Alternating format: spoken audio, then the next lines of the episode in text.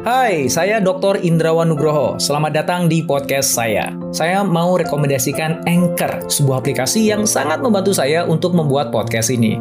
Layanan Anchor itu gratis dan kamu bisa download di App Store atau Play Store atau bisa juga diakses di websitenya www.anchor.fm. Yuk, mangga dicoba.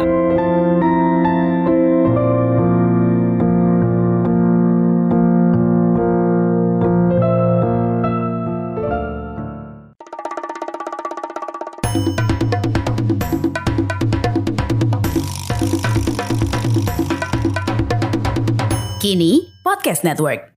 Teman-teman semuanya, kita sekarang bersama dengan Mas Muhammad Ismail, CEO dari Zahir. Nah, Zahir itu adalah perusahaan uh, pembuat software akuntansi untuk UKM mainly. Ya. Yes. Um, yang mana pada uh, episode sebelumnya saya udah undang beliau dan kita ngomong tentang bagaimana perusahaan startup zaman old itu bisa bersaing dengan perusahaan startup zaman now. Ya. Uh, nah kali ini yang kita akan bahas adalah sesuatu yang menarik nih gimana kok si startup pemain lama ini yang kalau teman-teman tahu saya tuh uh, customernya juga Zahir ya yang yang belinya dalam box pakai CD diinstal dulu pakai dongle. Nanti begitu pas kantornya kenapa-napa mau ngejar di rumah kagak bisa donglenya hilang kagak bisa dipakai. Udah pokoknya udah. Bagi teman-teman yang yang baru mengenal dunia software itu sekarang itu nggak kebayang. Ya. Nah yang jadi pertanyaan menarik yang kita akan bahas nih teman-teman semuanya adalah gimana kok si Zahir perusahaan yang old itu? Tapi enggak loh CEO-nya masih muda sih. Perusahaan yang udah old ya yang menarik kan gini kan, gimana nih perusahaan yang sangat tradisional kalau bahasa saya ya, well, I'm sorry, hmm. but I would say uh, bahwa itu traditional startup lah. Saya bilang begitu yes. lah. Even though itu digital startup, tapi itu very traditional, dijalankan juga secara tradisional. Mas sendiri juga cerita ya bahwa cara jualannya juga masih tradisional yeah, gitu. Bahkan time. at that time yes. ya, bahkan ketika uh, ngebangun software juga mungkin dengan cara-cara yang yang, yang standar gitu ya. Nah, yang jadi pertanyaan teman-teman adalah menarik gini. Gimana kok perusahaan yang udah tua ini gue soalnya kalau ngomongin Dota jadi gak enak deh sama Tapi you get the point lah ya. ya. Kok berani-beraninya gitu ngelawan anak-anak muda yang sekarang yang dia lahir itu udah native kan native yes. digital kan kalau Mas Ismail dengan foundernya itu kan uh, imigran di, ke digital ya dari, dari dunia yang non digital akhirnya menjadi imigran ya um, kok berani-beraninya gitu dan yang menarik adalah uh, Zahir ini melakukan sebuah transformasi yes. ya untuk mengubah model bisnisnya dari jualan software menjadi software as a service, software yes. sebagai sebuah layanan yang mana nggak kayak zaman saya dulu gitu ya, di mana saya harus beli CD-nya, install, bla bla dan semua kerepotannya itu ya. Saya tinggal buka internet aja, bahkan dengan browser aja, yes. saya langsung bisa gunakan layanannya. Dan saya sebagai konsultan yang banyak bantu banyak perusahaan-perusahaan untuk bertransformasi, itu nggak gampang teman-teman semuanya. It's it's very very hard ya. Nah kita ingin gali dari uh, Zahir sendiri bagaimana Zahir itu bisa melakukan transformasi itu. Ya. Dan mudah-mudahan teman-teman bisa belajar di situ. Ini khususnya bagi teman-teman yang masih tradisional, mungkin nggak se-old uh, sahabat saya ini, tapi mungkin bisnisnya masih masih relatif tradisional dan memutuskan untuk uh, catch up dengan dengan teknologi yang ada sekarang dan dengan model bisnis yang ada sekarang. Mudah-mudahan ini teman-teman bisa banyak belajar nih.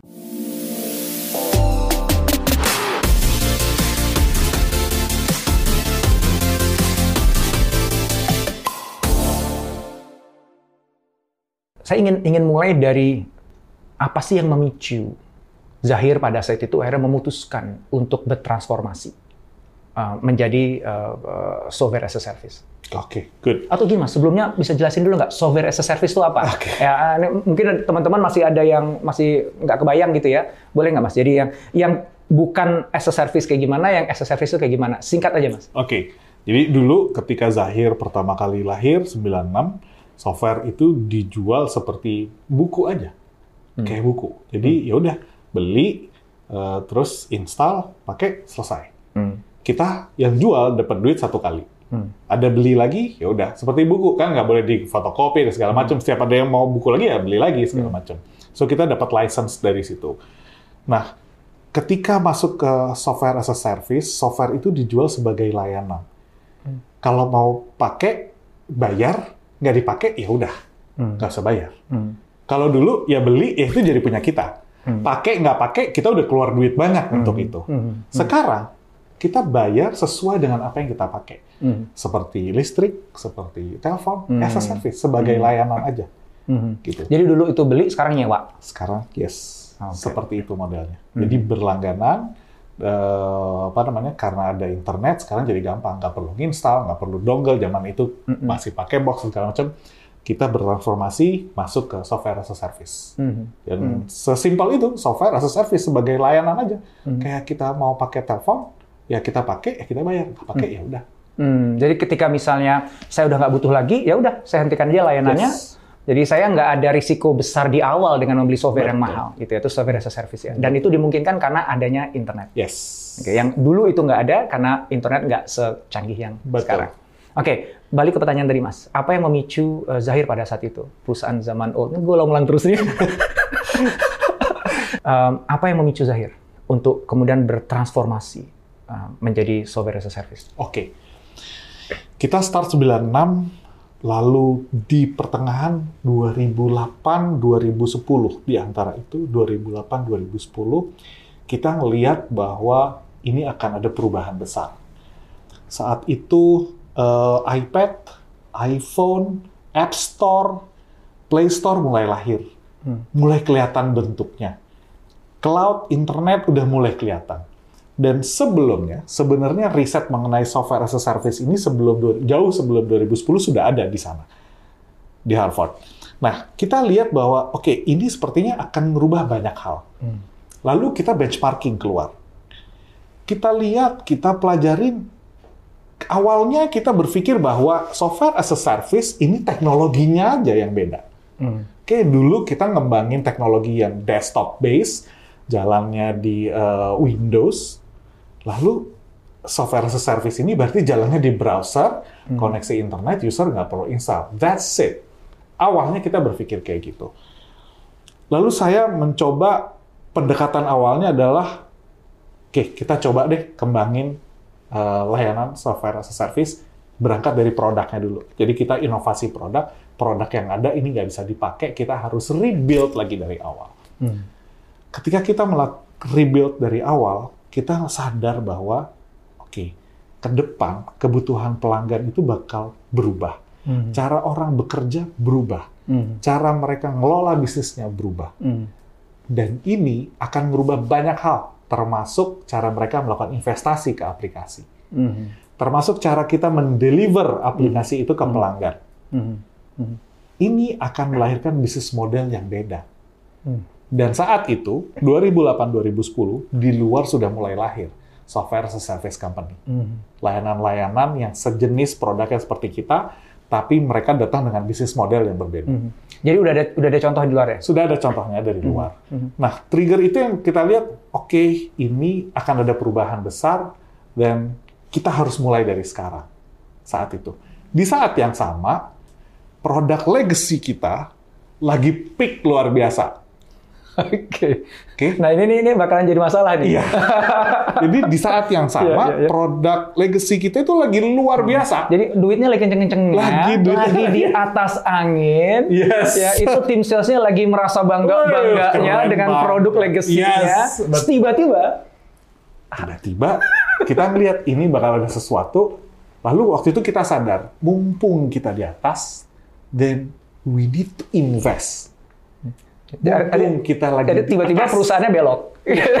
yang Tiba-tiba tadinya cuannya ada di sini nih, Iya, tiba-tiba manajemen milih, udah kayaknya masa depan ada di sini deh, Yes. kita kita pindah yuk gitu ya. Betul. Saat itu serunya adalah kita mikir, oke ini bakal berubah, ini bakal berbeda. Kita mulai dari pengembangan produk. Pengembangan, pengembangan produk itu rebuild, kita ulang dari awal.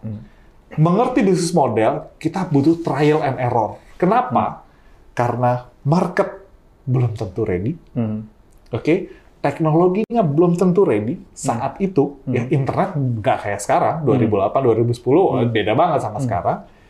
Dan internal, bayangin, kita punya internal yang mature, sudah di bisnis sebelumnya. Ya, udah biasa dengan cara itu, biasa udah banyak cara- duitnya, udah banyak- nyaman. Udah nyaman. Dan tiba-tiba kita ngeluarin satu produk yang sadar bahwa ini akan membunuh produk kita Iya, yang lama mengkanibal yang lama. mengkanibal produk yang lama. Hmm. Di situ mulai Rame. ya? Rame, mulai banyak masalah, banyak keseruan, dan banyak hal yang kita pelajari saat itu. Oke, Mas, ak- aku pengen bahas yang tadi itu keseruan tadi. Tapi sebe- sebelum ke sana, Mas, eh, keputusannya teman-teman Zahir itu em, untuk pindah ke SaaS, apakah waktu itu gini, kita coba-coba dulu deh ke software as a service, ya sementara yang legacy mah em, ini kita belum mau putuskan apa-apa. Atau pada saat itu dari founder dan juga eh, top manajemen udah memutuskan sebenarnya bahwa the future is software as a service. Jadi ini kayak point of no return gitu. Yang ini one day pasti akan habis gitu. Nah, pada saat itu mindsetnya gimana? Apakah memang gue iseng aja dulu coba-coba atau memang udah memutuskan bahwa this will be the future? Oke, kita udah mutusin. Oke. Saat itu kita udah mutusin bahwa masa depan adalah di software as a service. Hmm. Dan ini butuh waktu aja sebentar lagi akan terkanibal dengan teknologi baru, dengan bisnis model Kalau baru. yang mengkanibal kalau nggak kita sendiri ya Orang lain orang akan. lain gitu. Yes. Yang pasti ini produk life cycle-nya akan habis aja gitu Betul. ya. Ada kesadaran itu ya. Yes. Dan itu dikomunikasikan ke teman-teman, Iya, ke seluruh karyawan. tidak ke seluruh karyawan. Ah, pada oke. saat awal, pada saat awal karena kita butuh model yang kita yakin ini proven. Oh, harus proven dulu baru dikomunikasikan Yes. ke seluruh karyawan. Ha. Berarti di, di mana? Di top level aja atau sampai ke middle? Yang yang tahu tentang Top inisiatif level ini? ke middle. Oke. Hmm. Nah, waktu itu ketika kita mengembangkan layanan baru, produk baru, inovasi baru, awalnya kita build di dalam di organisasi yang sudah mature ini. Mhm. Di situ masalah terjadi. gitu. Kenapa? Yang membunuh inovasi baru ini adalah bukan orang luar, tapi orang yang ada di dalam. Yang udah kadung nyaman dengan cara yang Yes. lama. Ya. Pak, ngapain? Ini kan masih oke, gitu Ah, kan? ah. Pak, kayaknya enggak deh, ini enggak bakal. Ini orang nggak butuh loh, Pak, orang internet lambat. Eh, di pokoknya denial lah ya. Semuanya.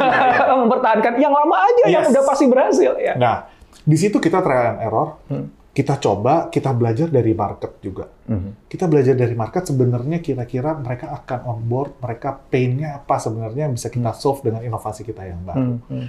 Akhirnya kita ngerti, oh ini kalau di menggunakan existing uh, corporate structure, ya. organization itu nggak bisa. Oke. Akhirnya kita separate. Hmm. Kita bikin tim baru Hmm. khusus ngejalanin inovasi ini. Tapi bukan perusahaan baru ya? Tidak Eh, perusahaan apa itu baru. bentuknya divisi kah atau memang hanya hanya tim khusus saja? seperti ad hoc, tim ad hoc Hmm, untuk memastikan kita menemukan model yang baru. Hmm. Hmm. Bagaimana produk ini dan segala macam. Karena challenge-nya luar biasa sulit karena gini, coach.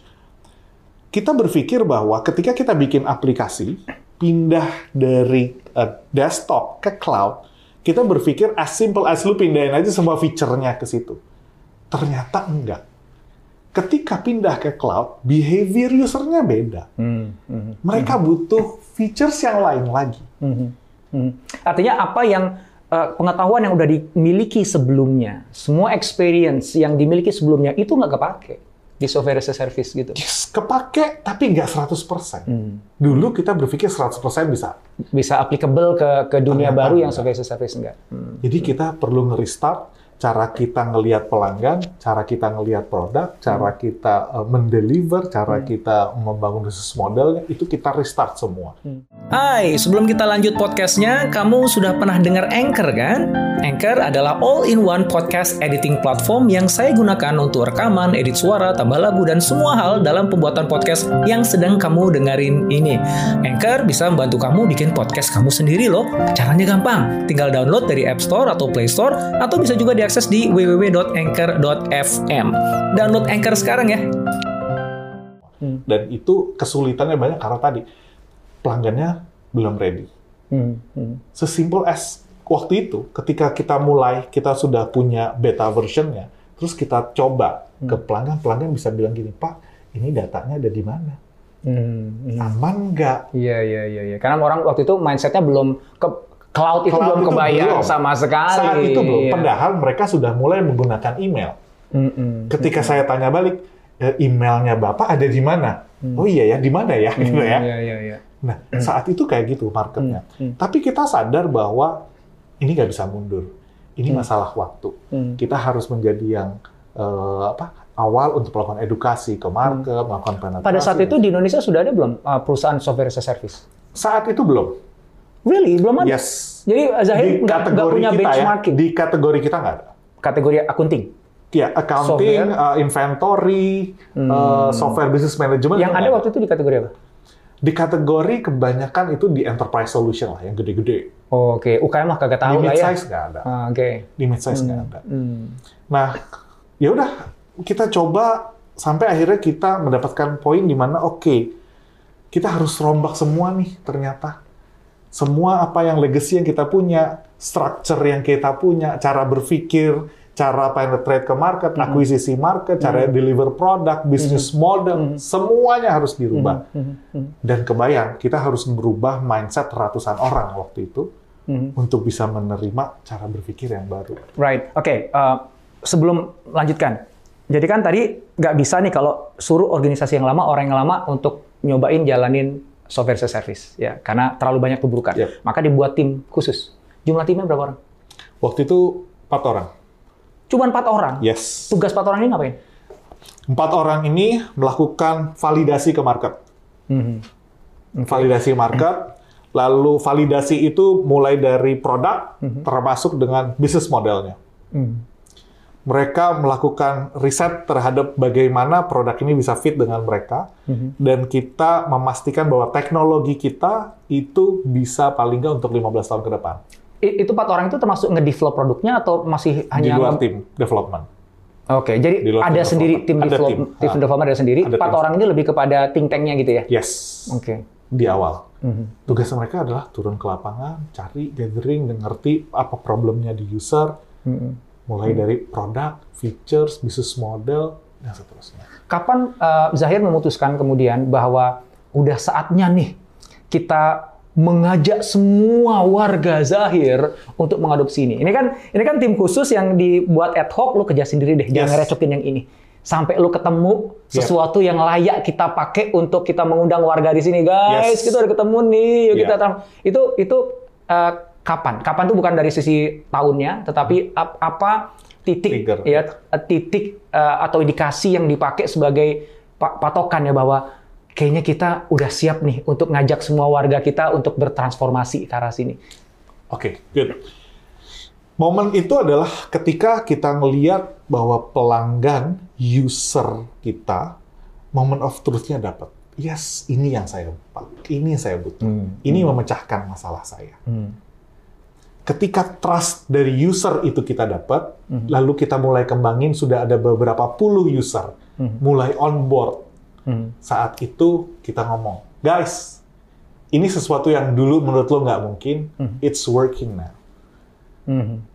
Terus mereka, kok bisa ya? Nah, kok bisa ya? Nah, di situ kita memulai program transformasi total. Mindahin orang-orang lama, restructure company, restructure semuanya. Dan itu proses yang lumayan Lum- panjang Aha. karena eh, tadi inovasi baru ternyata tidak semudah itu bisa diterima oleh mereka-mereka yang sudah puas, sudah senang, sudah aware dengan legacy produk yang kita udah punya. Ya, ya. Untuk pindah, mereka selalu punya alasan, Pak, ini masih ada kok customer-nya. Mhm. Ini masih ada user yang mau kok. Mhm, mhm. Begitu ada masalah dikit tuh, kan Pak, I told you. Jadi ada pembenaran, ya? Iya, benar. I told you, Pak. Ya kan? Iya, iya. Ini nggak bakal jalan gitu. Iya. Nah, tapi ketika kita lihat bahwa pelanggannya di beberapa puluh pelanggan awal itu menemukan moment of truth-nya, oke ini loh cloud solution bisa membantu mereka bekerja dengan luar biasa. Saat itu saya ingat ada salah satu organisasi nirlaba yang kita bantu, mereka punya cabang di 34 cabang di seluruh Indonesia. Sebelumnya mereka pakai produk kita yang desktop. Hmm. Jadi mereka punya satu kantor pusat di Bandung, ngelola 34 cabang saat itu. Jadi semua data transaksi dikelola oleh kantor pusat, lalu dimasukin ke sistem. Saat itu kita bilang, ini kita bisa mecahin masalahnya loh. Supaya datanya lebih cepat, kalian bisa dapat laporan lebih cepat, analitiknya lebih cepat, segala macam. Gimana caranya? Desentralisasi deh, semuanya bisa input. Gimana? Tarik ke cloud. Ya. Tarik ke cloud. Iya, iya, iya. Oke. Ketika di situ mereka dapat, oh oke. Hmm, hmm. Jadi kita masuk dapat use case-nya Use sebenarnya itu tuh ya. Jadi kan. kebanyakan orang pada saat itu belum kebayang use case-nya kayak gimana Iya, gitu. Begitu mereka tahu use case-nya, use case itu maksudnya adalah bagaimana solusi itu diterapkan, Fit, digunakan fit dengan Betul. menyelesaikan masalah yang mereka Betul. miliki. Mas eh, tadi ya begitu pas udah ketemu nih moment of truth-nya ya bahwa ternyata Hmm. it, it- works loh gitu. Orang mau loh. Yep. Terus kan eh, mulai ngajak semua orang ikut transformasi ke arah sana. Tapi kemudian kan tadi kan nggak semudah itu Yes. gitu ya. Butuh berapa lama sampai kemudian akhirnya semua teman-teman di Zahir itu dengan suka hati mengadopsi model bisnis yang baru ini? butuh waktu palingnya tiga tahun, Tiga tahun. Yes. Dengan jumlah karyawan berapa di Zahir? 170-an. Oke. 170 itu kita pindahin butuh waktu tiga tahun sampai semuanya oke pak, this is our future. Hmm. Kenapa? Karena oh kebanyakan orang enggan berubah. Hmm. Hmm. Begitu kita masuk ke teknologi baru, ketika kita masuk ke bisnis model baru, ternyata membuka begitu banyak opportunity yang bahkan sebelumnya kita nggak pernah kebayang. Hmm. Hmm. Kita bergerak luar biasa cepat, yang tadinya dulu Zahir dikenal sebagai accounting solution aja. Hmm. Kita kan berangkat dari gimana caranya kita bisa bantuin pengusaha ya ngambil keputusan, kita harus kasih mereka data, report, dan segala macam. Ya pintu awalnya adalah finance and accounting, berkembang ke mana-mana. Kita bikin solusi inventory, manajemen, aset, eh, finance accounting, sampai point of sales, dan bahkan sekarang kita sampai ke ERP solution. Hmm. Itu karena tadi proses transformasinya kita anggap berhasil, Hmm. dan transformasi itu ketika kita masuk ke sesuatu yang baru, Hmm. dengan proses yang tidak mudah, ternyata membuka banyak opportunity Peluang-peluang baru. Oke. peluang itu membuka market baru, segmen baru. Jadi dulu Zahir memang eh, kita mainnya di eh, UKM, jadi mid size, small, sebagian micro, tapi dengan teknologi baru, dengan kecepatan yang kita eh, rasakan karena adanya teknologi baru Hmm, setelah eh, apa ya restructure semuanya. Oh kita sekarang masuk ke segmen enterprise, kita Right. punya produk Right. ERP dan kita punya plan yang luar biasa karena eh, cloud solution itu. Ap- kalau misalnya mau di summarize mas, eh, apa yang dilakukan oleh manajemen di Zahir untuk mengajak teman-teman ini supaya mau mengadopsi? Jadi kalau tiga tahun itu lama atau tidak ya tergantung lah ya. Sebenarnya semakin besar size-nya pasti semakin kompleks, semakin lama waktunya ya. So I would say tiga tahun adalah bagi perusahaan yang kecil sebenarnya agak lama sih sebenarnya untuk 170 orang itu ya tiga tahun itu ya. Tapi tetap aja kan akhirnya berhasil. Ya. Nah, apa sih hal-hal kunci yang eh, teman-teman nanti juga bisa bisa pelajari di sini ya? Yang dilakukan oleh manajemen Zahir untuk bisa benar-benar mengajak semua orang akhirnya mau mengadopsi yang bisnis model yang baru ini, Mas. Pertama, ke- kenapa sih mereka enggan pindah? Kebanyakan mereka nyaman Mm-mm. dan tidak mau berubah. Hmm. Mereka percaya sama sesuatu yang salah. Hmm. Nah, merubah kepercayaannya mereka itu butuh bukti. Oke. Kata kuncinya di situ ya. Iya. Harus ada proof. Proof. Nah, Hmm. merubah kepercayaan mereka itu harus ada bukti. Jadi nggak bisa cuma diomongin doang, Nggak kasih tahu bisa. doang. Nggak bisa. Oke. Kita bilangin, I show you the way and how to do it. Dan akhirnya dapat quick win ya. Mereka ngalamin Yes. sendiri bahwa eh ternyata benar kok banyak yang mau. Ternyata Betul. customer happy kok. Benar. Gitu ya. Oke. Dan tidak semua di sebuah company itu kan agent of change. Nggak Hmm. mungkin. Hmm. Hmm. Ya kan? Sebagian reluctant. Betul. kita hire, kita pilih, kita bikin tim dari teman-teman yang memang bisa berubah. Agent of change-nya ini yang kita gerakin pertama kali. Hmm. Hmm. Untuk mengadopsi, membuat perubahan, dan seterusnya. Kenapa proses transformasinya tiga tahun? Karena di saat yang sama, produk legacy-nya tetap kita pertahanin. Hmm. Hmm. Kenapa kita pertahanin? Karena marketnya masih ada, Hmm. generate cash flow yang luar biasa, Hmm. profitability-nya masih oke, ya Mhm. kan? Tapi kita memastikan bahwa tim kita sudah ready dengan inovasi Oke. produk dan layanan yang baru. Iya. Ini matter of time aja. Hmm. Dan kita ngelihat grafiknya terus turun dan digantikan oleh Hmm. produk yang Memang baru. dari sisi eh, lingkungan pun juga nggak ada urgensi untuk segera bertransformasi Yes. ya, karena memang memang kalau sekarang kan enggak ya. Kalau dengan disrupsi gini kalau nggak dalam waktu setahun dua Yes. tahun berubah selesai kan. Betul. Pada masa itu Pada saat sebenarnya itu, urgensinya belum terlalu, Urgensinya, nggak. urgensinya memang kita prepare sesuatu Iya. yang akan terjadi ya. di Ya, depan. yang masih agak jauh lah ya. Agak jauh waktu itu Jadi kan pre-COVID. santai lah tiga tahun pun aman lah. Pre-COVID ya, karena pre-COVID, Iya, iya. karena kita banyak trial and error, banyak coba hal baru, dan legacy produk ini masih kita pertahankan karena masih mengenerate revenue. Kalau sekarang nih, eh, kalau di dikomposisikan mas, yang software as a service sama yang legacy product nih berapa persen? persen? Eh, aku nggak bisa disclose, tapi eh, apa eh, sekarang software as a service contribute paling besar di revenue. Oh, dibandingkan yang legacy. Yes. Yang jadi masih ada juga tuh orang yang beli CD Masih di Domodo, ada, masih ada. Siapa mereka? Existing users Oh, yang oke. mereka belum mau pindah. Iya iya iya. Tapi tidak ada lagi klien baru di sana karena memang kita udah stop. Jadi kita Oh udah stop. Jadi sekarang kalau misalnya teman-teman pada pengen pakai Zahir ya harus Yes. software as a service. Nggak ada pilihan lain. Betul. Software a Oke, service aja. oke. Jadi Oke. sejak begitu eh, kita sebelum menjelang COVID itu memang kita teruskan kita tidak lagi menjual eh, produk dengan teknologi lama ke klien baru. Bener-bener udah pengen jadi startup zaman now lah pokoknya lah. Yes, keharusan karena memang marketnya menuntut seperti itu Iya, iya. dan kita punya prediksi ke depan, kita punya mimpi ke depan yang jalannya memang harus lewat Ya. situ. Dan dan software as a service itu kan scalability-nya jauh lebih mudah Yes. dibandingkan Betul. Uh, kan kamu kalah juga dong sama anak-anak muda yang native Betul, digital yang tiba-tiba langsung mendunia, tiba-tiba dengan waktu singkat bisa growth-nya tinggi dengan adanya software as a service itu jadi mungkin. sangat Ya. memungkinkan. Terakhir Mas, uh, apa saran yang uh, Mas uh, Ismail bisa share ke ke teman-teman nih, uh, khususnya para pelaku startup atau pelaku KM yang memang sebenarnya udah mulai nyadar nih bahwa saatnya transformasi. Kalau enggak ya nanti digilas oleh zaman gitu. Tapi Ya. mereka masih ragu ya dan masih galau juga harus mulainya dari mana.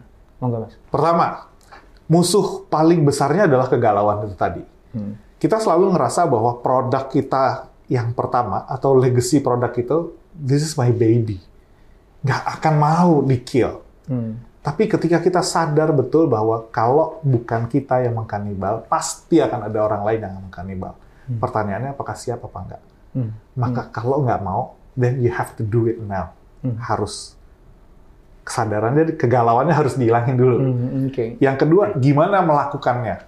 Melakukannya pertama tadi, bikin tim, lalu pisahkan. Biarkan dia seperti kontainer sendiri, yang dia bisa mengeksekusi semuanya dengan hal-hal baru.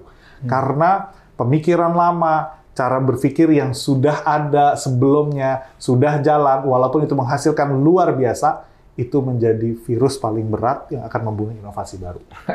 Keren banget. Mas, thank you banget. Uh, saya belajar banyak hari ini. Mudah-mudahan teman-teman juga belajar banyak ya. Terima kasih, nanti nggak keberatan kita ngobrol lagi. Masya Allah. Thank you. Sama-sama. Makasih. Thank you. Assalamualaikum. Yuk, Thank you.